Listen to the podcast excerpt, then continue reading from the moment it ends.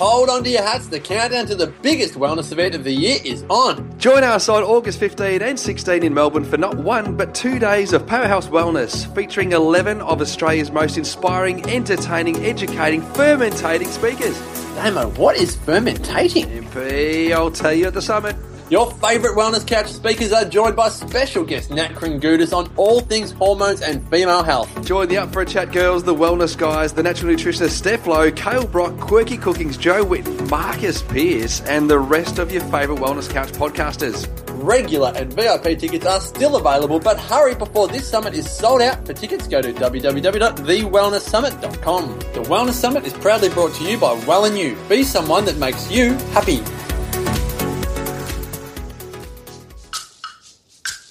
TheWellnessCouch.com, streaming wellness into your lives. Welcome to Nourishing the Mother, featuring your hosts Bridget Wood and Julie Tenner.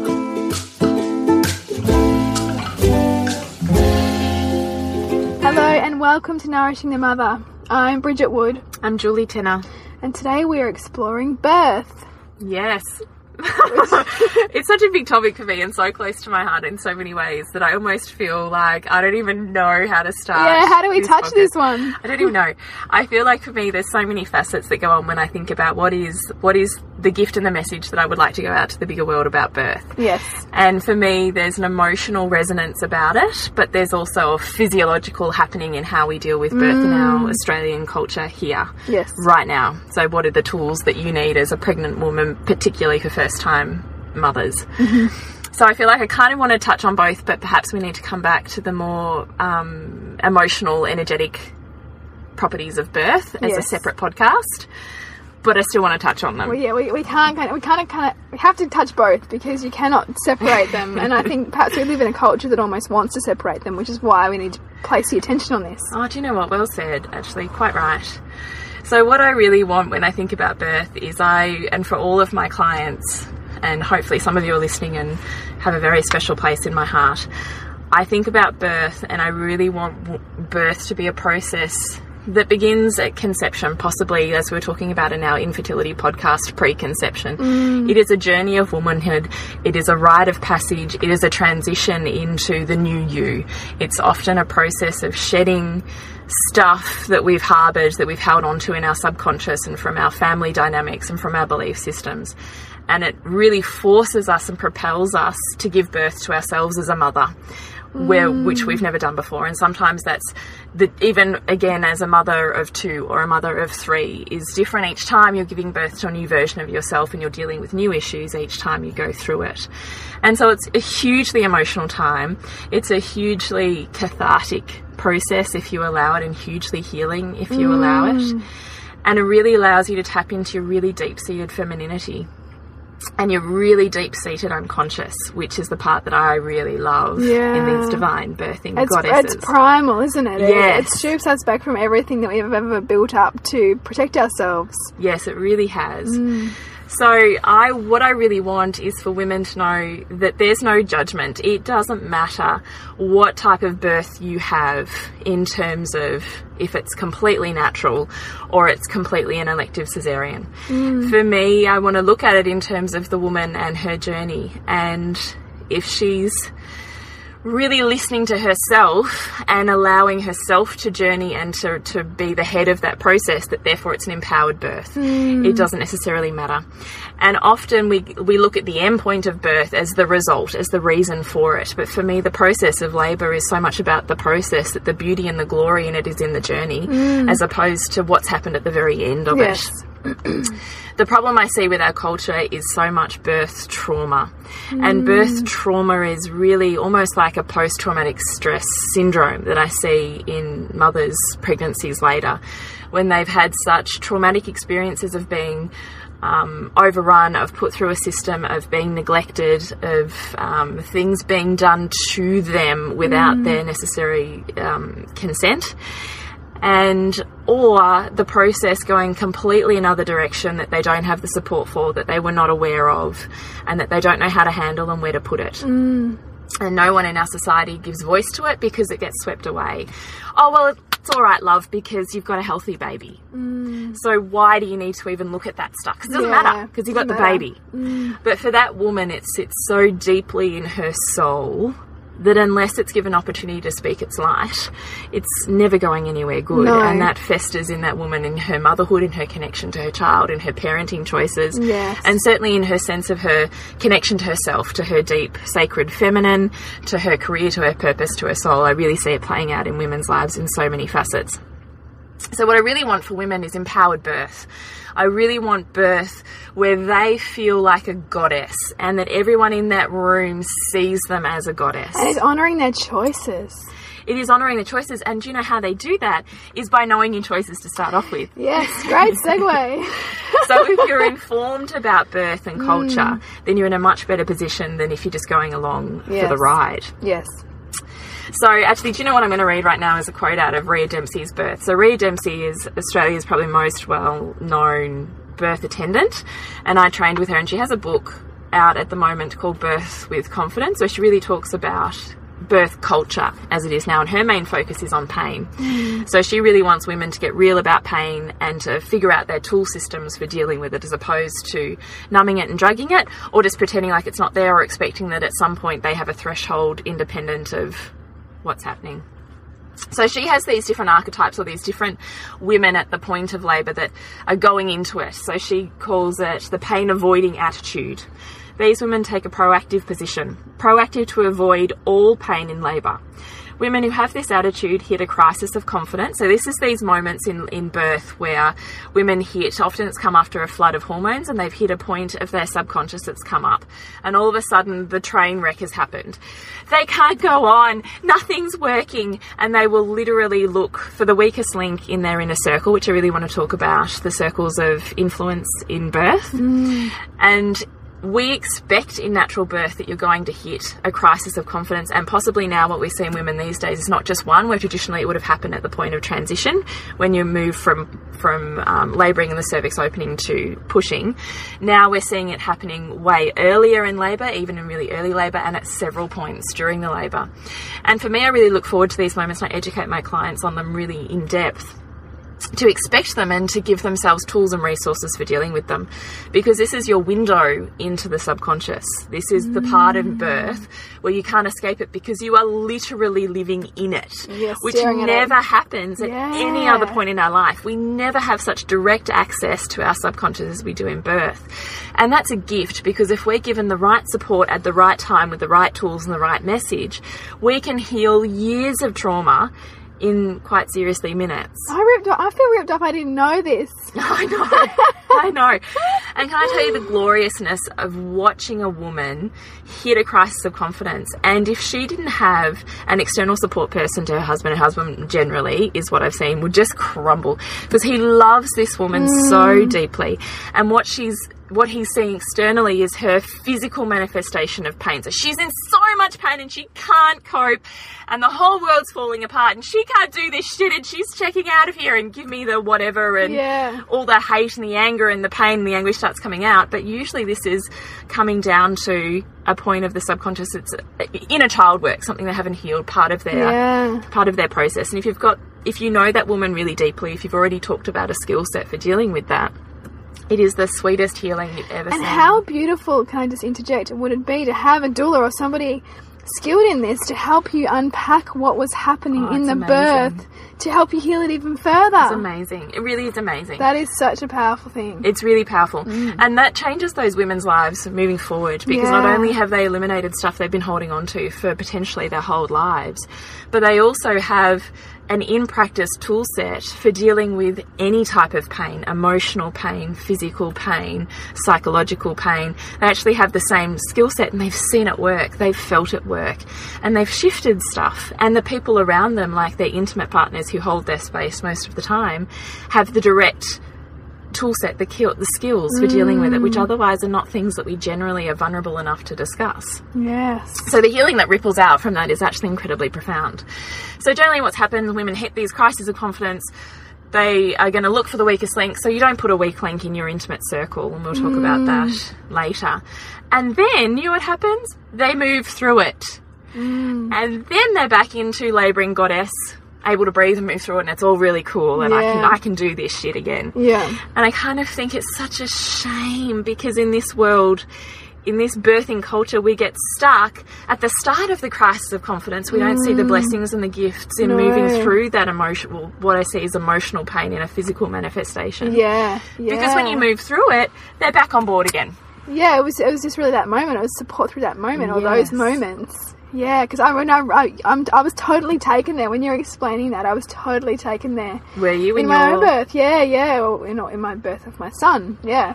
and what did you experience in that moment? Massive fear of his death. Massive fear of his death, and not Which comes trusting. about from your previous pregnancy, which would have been the miscarriage. Yeah, Yeah. possibly. Yeah. Yeah.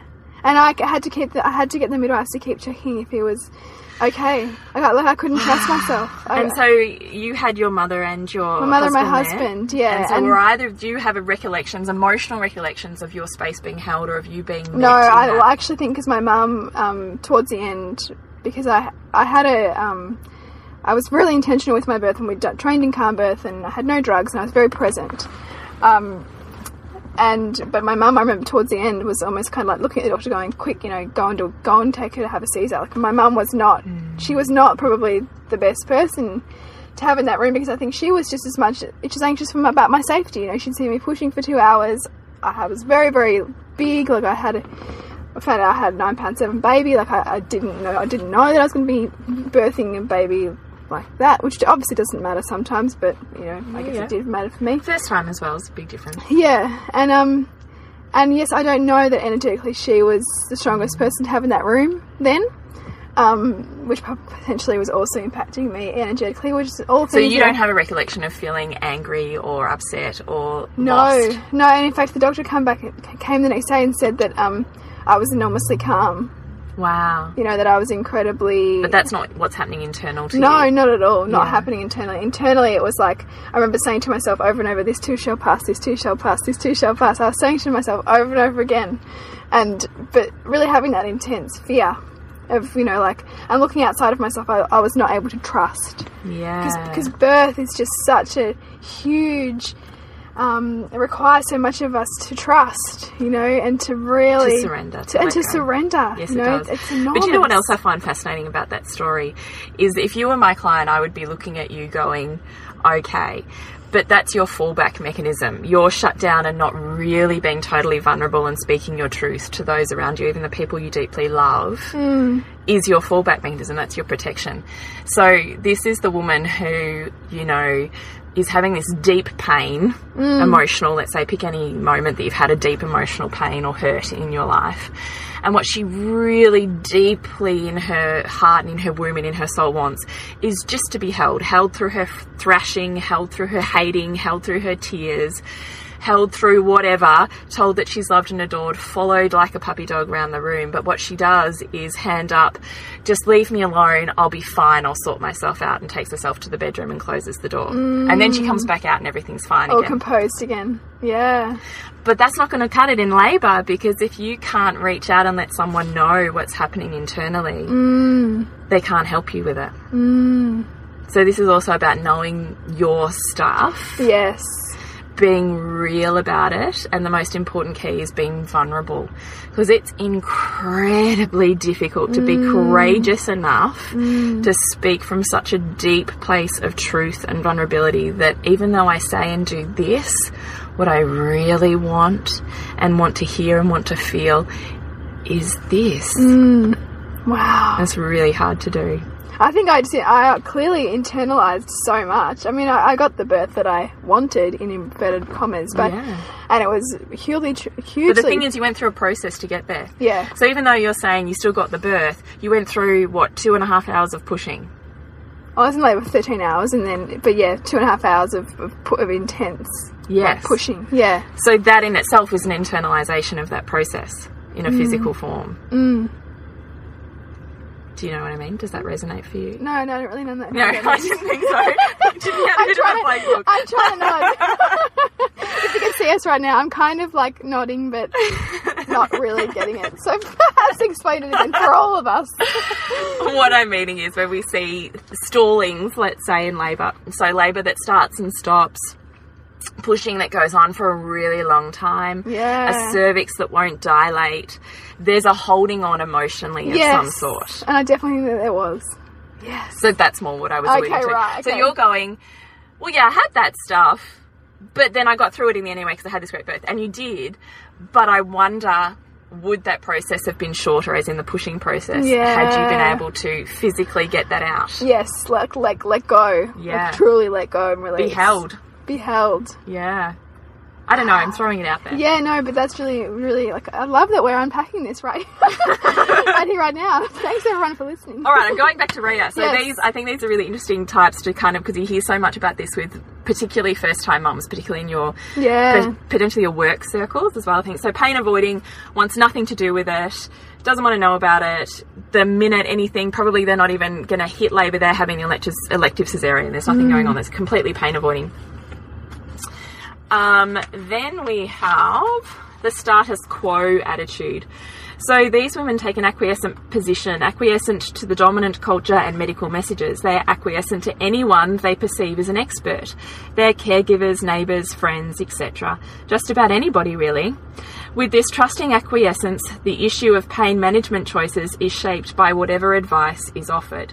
So they completely hand over their power on a platter Yeah. whoever is around them, and it doesn't even have to be a medical person, knows better than them. Hmm. And so this completely shapes and changes the way that this woman gives birth, hmm. particularly who her intimate support circle is and where she chooses to give birth. Then we have the wait and see attitude. These women have a wavering position. They have some yearning for normal physiological birth, and although they have a sense that there may be a way to work with the physiological pain, they also sense the enormity of the challenge, so they hedge their bets. The wait and see woman's attitude is underpinned, like many other women's, by a belief that pain thresholds are set at a particular point. A woman in this group doesn't realise that her pain tolerance can be influenced up or down by many factors, including the type of support she receives. Her attitude runs something like this. You know, we'd have been giving birth forever, goes way back, can't be that bad. So I'm going to go for it. But then I've heard that these hormones can help. But then on the other hand, I've heard these stories and maybe it's not so easy. I think I've got a good pain threshold, but I'm not really sure. So I'm just going to wait and see. Hmm. So that's really interesting, isn't it? And then we have the aspirational but naive attitude. These women take a proactive stance based on their personal power. They are actively preparing for the birth. They've done their homework. They are willing women. They expect a normal physiological birth. And they may even have made some wise choices. But they are naive about the realities of the system. The realities of the pressure from the circles of influence and about the potency of pain and pain dynamics in labour. This was me. Mm, this is me with mm-hmm. my first two. The aspirational but naive woman is motivated by normal physiological birth, but is unrealistic regarding the challenge. She is, she is self reliant, into self control, and may buy into the pain free story offered by some birth preparation techniques. Sorry, I'm getting a tickly throat, which is funny. That's um. That's so. That, I love reading these archetypes because you can so clearly see yourself in them, and I know I'm definitely in that last one, Mm. um, where I thought, you know, yeah, I've got this. You know, like I've done all the reading. So I'm going to do it. Yeah. This is actually like I love calm birth and hypnobirth and all of the tools and the skills and the normality of birth that that provides. Yes. But often, what I've seen out of these clients that I've had that have really set everything they've got into this one one dynamic of birth and how to handle it is that they don't expect pain. Yeah. So if they experience any type of pain, then they've failed. They haven't done it right. Yeah. Wow. Okay. And so then the whole birth comes crashing down around them. Yes. Okay, so she is in denial about crisis, vulnerabilities, because she believes they're never going to happen to her. Because of this, she doesn't pay attention to the need of experienced support. Finally, she sees overcoming the pain as a mark of her sense of self and her expression of her personal power. Still sound like you. yeah, Still sounds like me. Then, lastly, we have the pain embracing attitude. These women take a proactive stance based on their personal power, enhanced by experienced support. These women are willing women, savvy willing women. They are highly motivated toward normal physiological birth and they know that pain is in its territory. Pain is its territory. They understand that pain is power, not only physically, but also in the power play that surrounds a birthing woman. They accept the challenge of, challenge of embracing the intensity, conscious of the enormity of the task. They understand the lessons from the circle of influence, which we'll talk about, and have made wise choices about their birthplace culture and their facilitating holding circle. They have reflected on the physiological and psychological impact of their pain dynamics and how these might manifest in their particular story, and have prepared themselves and strengthened their birth circles accordingly. Hmm. So, in the birth culture that we have at the moment, there in Victoria, we're talking about Victoria, Australia, only 3% of women have a completely natural physiological birth. Hmm, that it's just, and I know like there's even it's even difficult to get studies of the impact of normal physiological birth because the population is so small. As you say, three percent. 3%. That's an extraordinary figure when you think about all of our friends and um, every woman we love in our lives entering this p- place thinking, I've got the best. Um, you know, OB, I've got the best hospital, I'm going to the this and the that. Only 3% are going to make it. It's incredible. Those stats are just incredible. So there's a system that goes along with that, isn't there? So what we're talking about with this, the, what we talks about is the circle of influence, is it's talking about the wider circle from you. So what influences your perception of birth, hmm. and what influences your ability to have a physiological normal birth. yes. So she's talking about wide culture, where have you come from, family beliefs, um, your own birth. Then we're talking about beliefs around you of friends, of stories, of how much you know physiologically about your body and birth itself. Then we're talking about belief systems. Then we're talking more intimately about your mother's perception of birth. So there's a, sorry, I'm getting a tickly throat.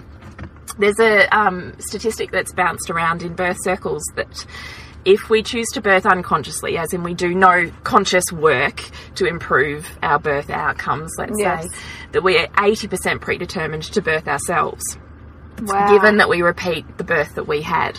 oh, that's so interesting. Mm. So the way that our mothers birthed us, Yes. if we do no work on, is the way that we will birth. So that's so funny because my I was born by forceps delivery from my mum, and and Hugo, like I obviously had some resistance to deliver him, and I had an mm. episiotomy, so it's an improvement. I did a bit of work. Totally. totally. I hear that. Yeah, yeah. But this is often when you see generationally, oh, my mother's mother had a cesarean and my mother had a cesarean and now I've had a cesarean. Yeah. It's probably just our hips. Yes. Yeah, yeah, yeah. It's easy. It's, it's, it's an easy one to explain away, isn't it? So it's really, I find that absolutely fascinating. Yes. And so then more intimately, she talks about what is the place of birth that you've chosen. Mm. Because the place you birth your child, a private hospital, a public hospital, a birth centre, or at home, is going to completely change your outcomes. So statistically. So I'm going to run you through a list of questions that you need to ask, but that is definitely the place of birth has policies and viewpoints and procedures and a way of viewing women in labour that will change your outcome for sure. Mm. Then, more intimately, you have what we call your intimate holding circle. So, these are the people that are really physically there with you during the labour and birth process that are really working with you.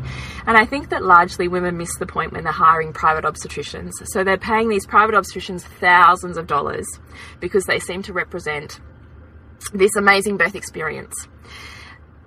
But the hard part of labour that determines your birth is the labour process. And the mm. obstetrician is not there for that. The obstetrician is there at the point of birth, not in the labour. But it's the labour that determines the birth that you have. yes. It's the labour where you delve into the unconscious, and it's the labour that you need the help and support and the love.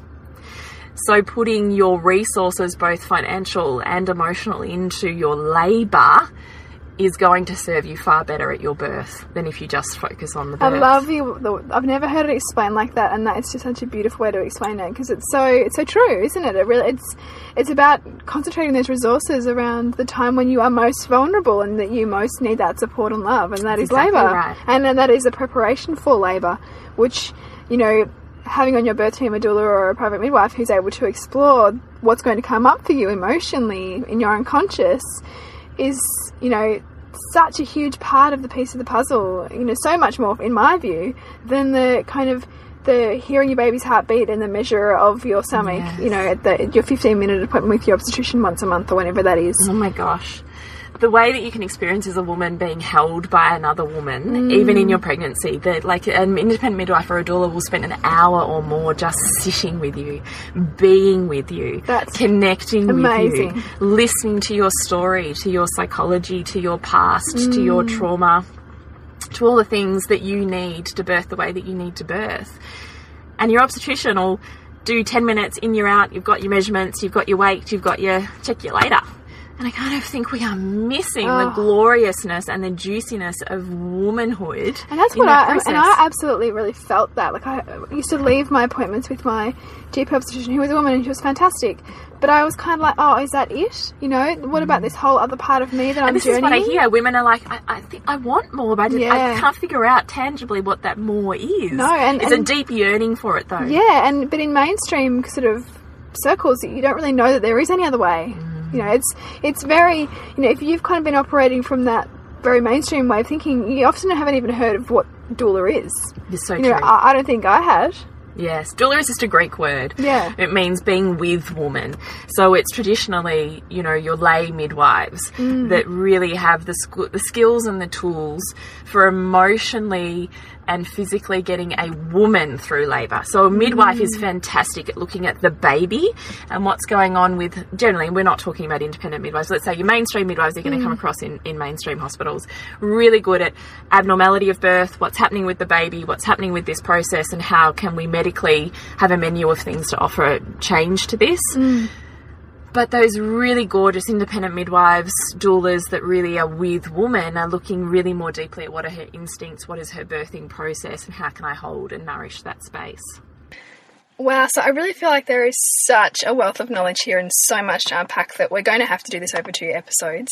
Yeah, definitely. I think it's a great idea to split it up and maybe we do a few how to's now and maybe jump back to the 10 questions. And I really think open up a lot of stuff for particularly new clients that I've had. And then we come back and really talk about the unfolding of the inner circle and how that gets you through the mm. more psychological dynamics of birth and birth trauma that really psychological headspace maybe is part two. Yeah, I think that'd be a really great way to illustrate it. So perhaps let's go through those 10 questions and then in the next episode we'll get some, you know, real stories from some of Yeah. those experiences. Great, sounds good to me.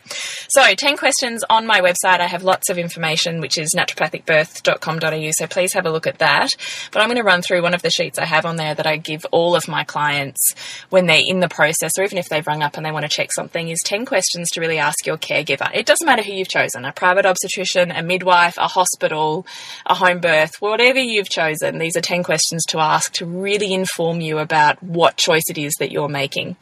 And I think these questions open up a lot of more questions for those women that I've come in contact with. So I really want to just quickly hash those out with you. So, if you're looking at a particular caregiver or private obstetrician, what hospitals do they work out of? Go and visit them. See if you feel good, see if you feel comfortable, visit the labour room, see if you like their facilities, see if you feel comfortable in the rooms in which you labour, because different hospitals have very different spaces in, in what you're labouring in. It's got nothing to do with their food facilities and their cafe. I'm really talking about how you feel in that space. How much does it feel like you could relax and be naked and be carefree and really be who you need or feel that you want to be? In that space. What are the hospital policies on monitoring induction and water birth, if that's something that you're wanting to look at? All hospitals have a set of policies and procedures that they adhere to. It's really important that you get incredibly clear on what type of birth you want and if your particular setting can cater for that. And they will literally have policies. So, policies on monitoring might be the minute you get in, they require a 20 minute trace where the baby's got to have these signs, and anytime that the belt slips off or something changes, that 20 minutes starts again. So I've had lots of women that have said, yeah, I got into hospital and I was flat on my back on the bed for an hour and a half because it kept slipping off and we couldn't get a proper 20 minute trace, or they just left me and forgot about me and the la la la. So you need to be really clear on what the monitoring is. If your waters are broken, is the monitoring different? If you've got meconium in the waters, is the monitoring requirements different? What is it that you can actually do with each of those? And by asking that question, you'll receive lots of information. What is the induction policy and procedure? So, how long past your due date, in commas, does that caregiving setting let you go? So, you want to know that stuff too. And can you actually have a water birth? So, there's very few hospitals in certainly Melbourne, Victoria here where you can actually literally give birth to a baby in water. Most hospitals will have the ability to use water in labour in the sense of they may have, depending on where you are, they may have a bath in your room, but more likely they've got one bath that is shared by the entire labour ward. So you really want to know what are the chances. Then beyond that, they have, well, you can only be in that if we have a midwife who's trained in that on duty at that time. So it's mm. hit and miss again, you're not guaranteed it. And beyond that, well, you can labour in the water, but the second you start pushing, you have to get out of that bath because we're not liable for you giving birth in water. Mm. So if you want particular birth, you have to really honestly have the balls to ask the questions before you arrive there.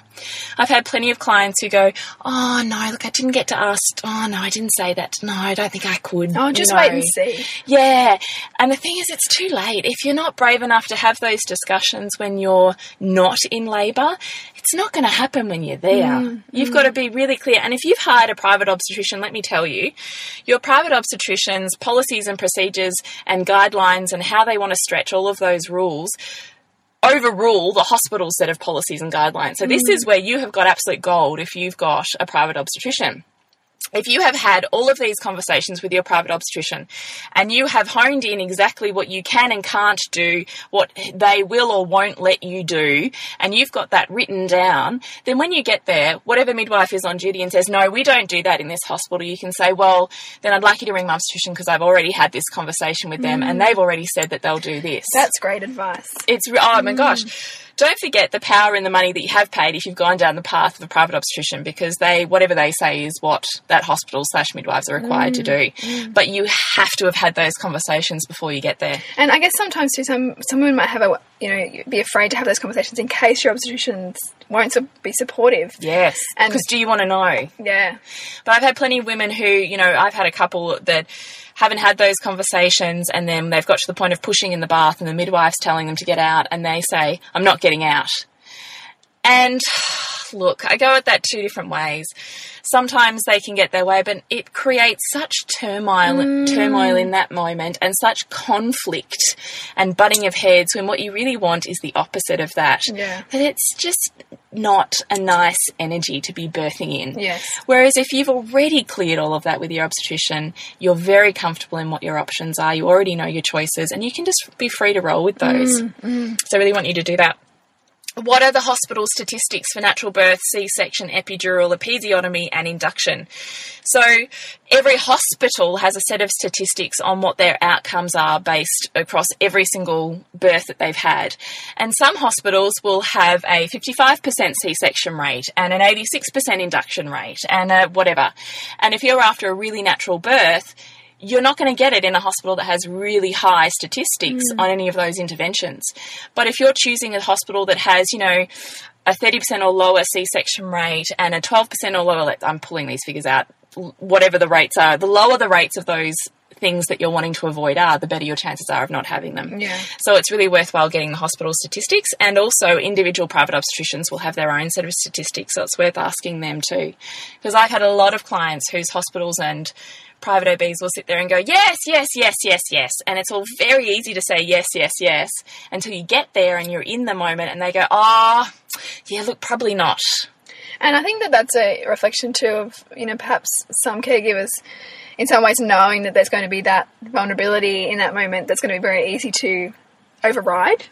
Yes, because there's all these extenuating factors, isn't Yeah. there? So you've got to be really savvy and really informed.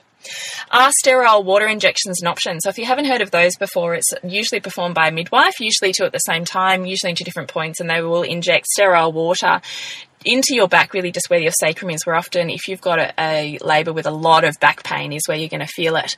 And the back pain in those sorts of posterior type of labours, where the baby's head's just kind of jamming on um, your back creates such enormous pain that women literally can't even feel the cervix pain. So the pain that most women complain about in, in labour, can't even feel it. That's how intense their back The pain is. is. And so you have sterile water, inje- water injections just under the skin. They do it during a contraction because it stings to absolute buggery like a bee sting. But what it does is it, it um, interferes with the nerve endings. So it completely, for probably about two hours, eliminates that back pain. I can't, and that's a drug free intervention. And what about? I mean, for me, I use a TENS machine, which is a similar. Yeah, um, absolutely. so TENS machine really you need to use at the start of labour. It's not going to do you any good if you bring it in once things get Mm. Yeah, hard. yeah. You have to have already had that um, neural programming, I suppose, right at the beginning. And it's hit and miss. Some women find it irritating. Some women find it absolute godsend. And again, it's it's you take everything, don't you? I mean, I kind of go, why not just do it all and take it there? Yeah. Because you can't find it once you're in the space, and you get this one opportunity, this one time to have this uh, incredible experience, whatever it is. So why not throw everything at it that you possibly can? I certainly would. Um, so water injections isn't an option. What oh, I said that's uh, obstetric statistics for natural birth, C-section, epidural, episiotomy, and induction. What are the monitoring and internal vagina exam requirements? They vary on caregiver to caregiver, and they give on they change on place to birth. So, um, what is actually the the bare minimum that they require in order for you to to in commas be normal, be happy, be meeting their requirements? And do you want those? Because you certainly don't have to consent to any of those things, but you really want to be informed about what it is that they require, so that you have room to move within that. Um, how long are they comfortable with you, uh, with giving you, hang on, how long are they comfortable with giving you to go into labour naturally if your waters broke with no labour? How many hours, how many days? So, sometimes, rarely, some women's, and I find that women generally, if they've never had babies before, have no idea about when the waters break.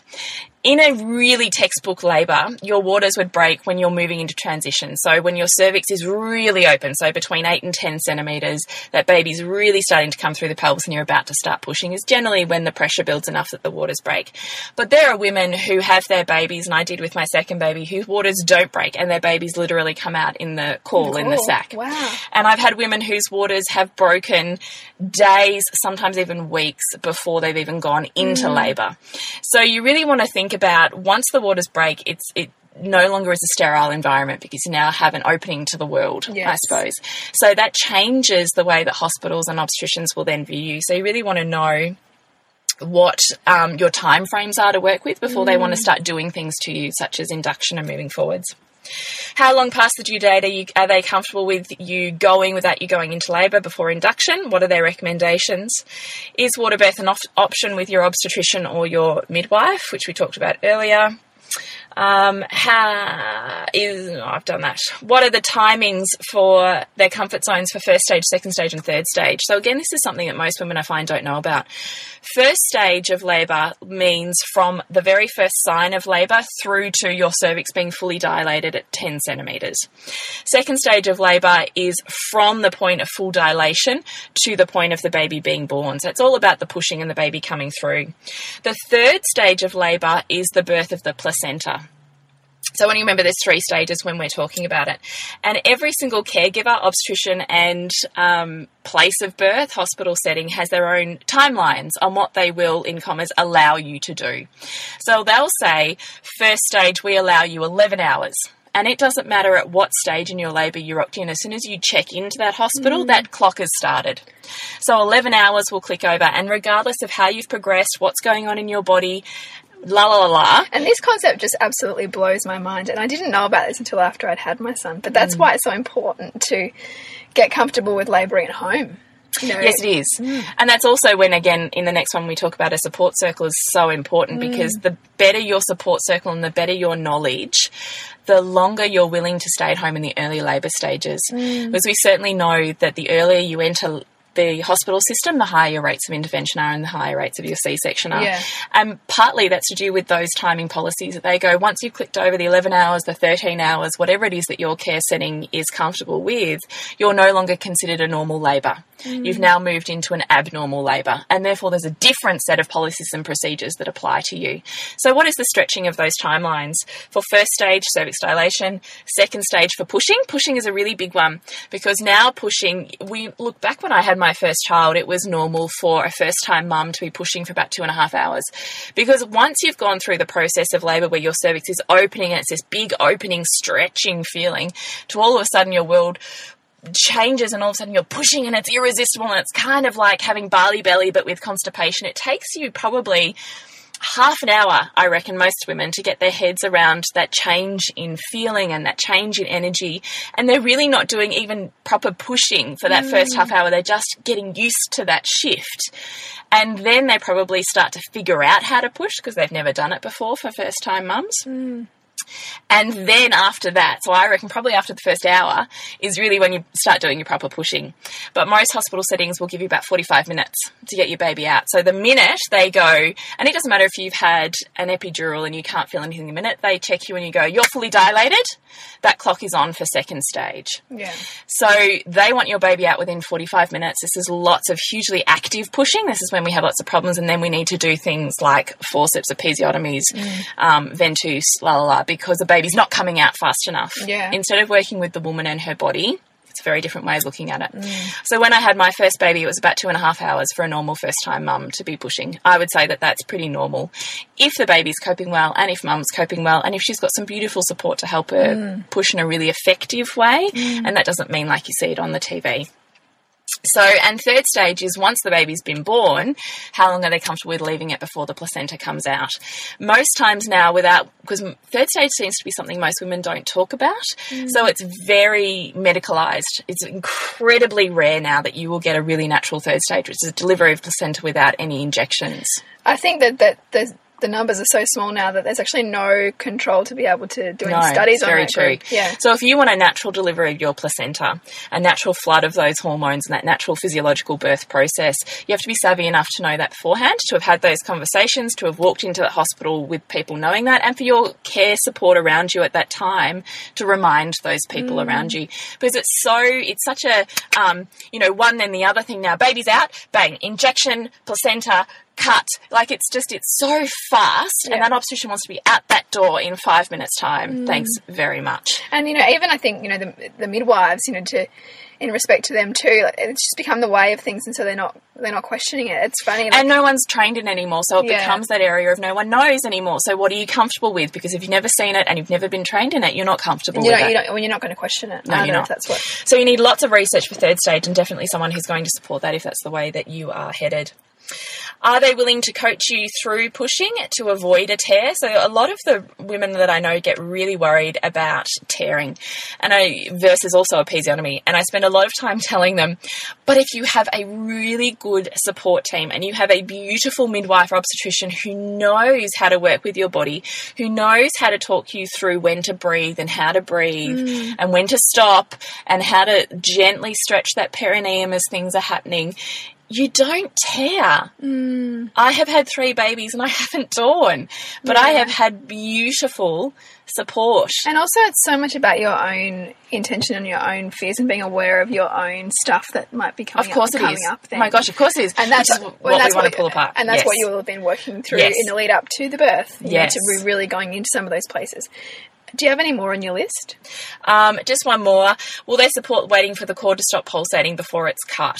This is again part back to third stage. So assuming labour has been uncomplicated and the baby's been really well and you've had no interventions, I really want to encourage you to think about before the cord is even cut of the placenta um, to allow the cord to finish pulsating. So there's about a third of the baby's blood volume is stored in the placenta at the point of birth. So the cord still pulsates like a um, heartbeat and pushes all of those nutrients and all of those birth hormones, we call them the birth cocktail for the baby, and all of that blood supply back in. And it usually is done and dusted. That cord is flaccid and white and not pulsating anymore within five minutes. So if you can delay your obstetrician and your care team from cutting that cord for the first five minutes, your baby has the most extraordinary start to life. And there should be a bit more um, kind of willingness to implement that now. There's, I know that there's been a big change in the UK around them getting some um, regulations passed through some work a midwife was doing. So I think that's going to have to filter through into our system here. I'm just thinking about the woman listening to this who is 12, 24, 30 something weeks pregnant with her first baby who is mildly freaking out right now in terms of all of these. I you don't want you to freak out.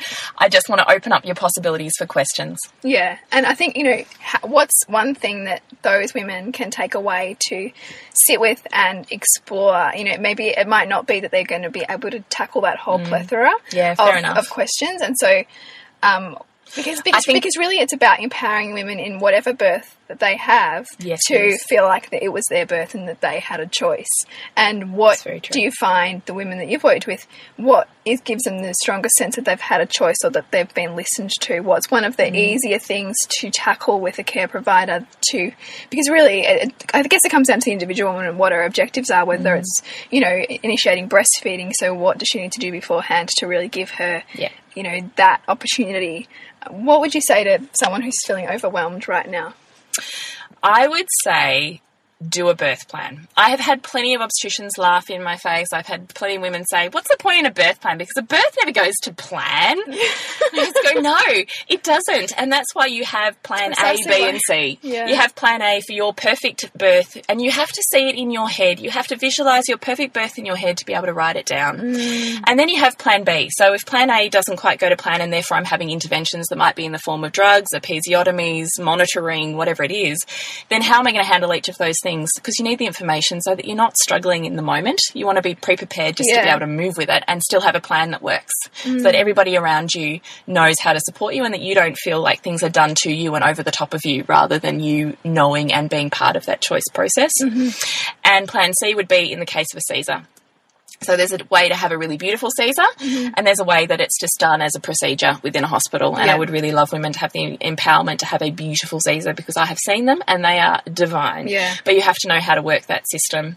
Um, so I think that would be please do a birth plan, please. Yes, and so that, that we're not leaving you for another week with that hanging. I'm really great. I'm really glad that we sort of you know got got clear on that and and have that conversation first of all about whether or not your care provider is willing for you to have a birth plan because there are also a lot who won't work with that, and I guess that's a red flag to you know perhaps explore more and and certainly get in touch um, with Jules if you've got any concerns or something that you want a bit of help with. I think. Yeah, definitely. I'm more than happy to even help you put together your birth plan, think about your choices and your options. Mm. Absolutely.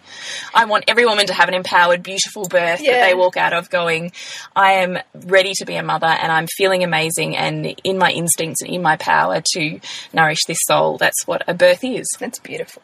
It's birthing the baby and birthing the mother. It is. So until next week, um, if you want to get, get in contact with us or give us some feedback on the show, we'd love to hear it. Um, and also give us a rating on iTunes. Um, we are at Nourishing the Mother on Facebook, and also Julie is at naturopathicbirth.com.au, and I'm at suburbansandcastles.com. Thank you. Thanks. This has been a production of TheWellnessCouch.com. Check us out on Facebook and join in the conversation on Facebook.com forward slash The Wellness Couch. Subscribe to each show on iTunes and check us out on Twitter. The Wellness Couch, streaming wellness into your lives. Whilst the Wellness Couch presenter endeavor to provide accurate and helpful information to their listeners, these podcasts cannot take into account individual circumstances and are not intended to be a substitute for health and medical advice from a qualified health professional. You should always seek the advice of a qualified health professional before acting on any of the information provided by any of the Wellness Couch podcasts.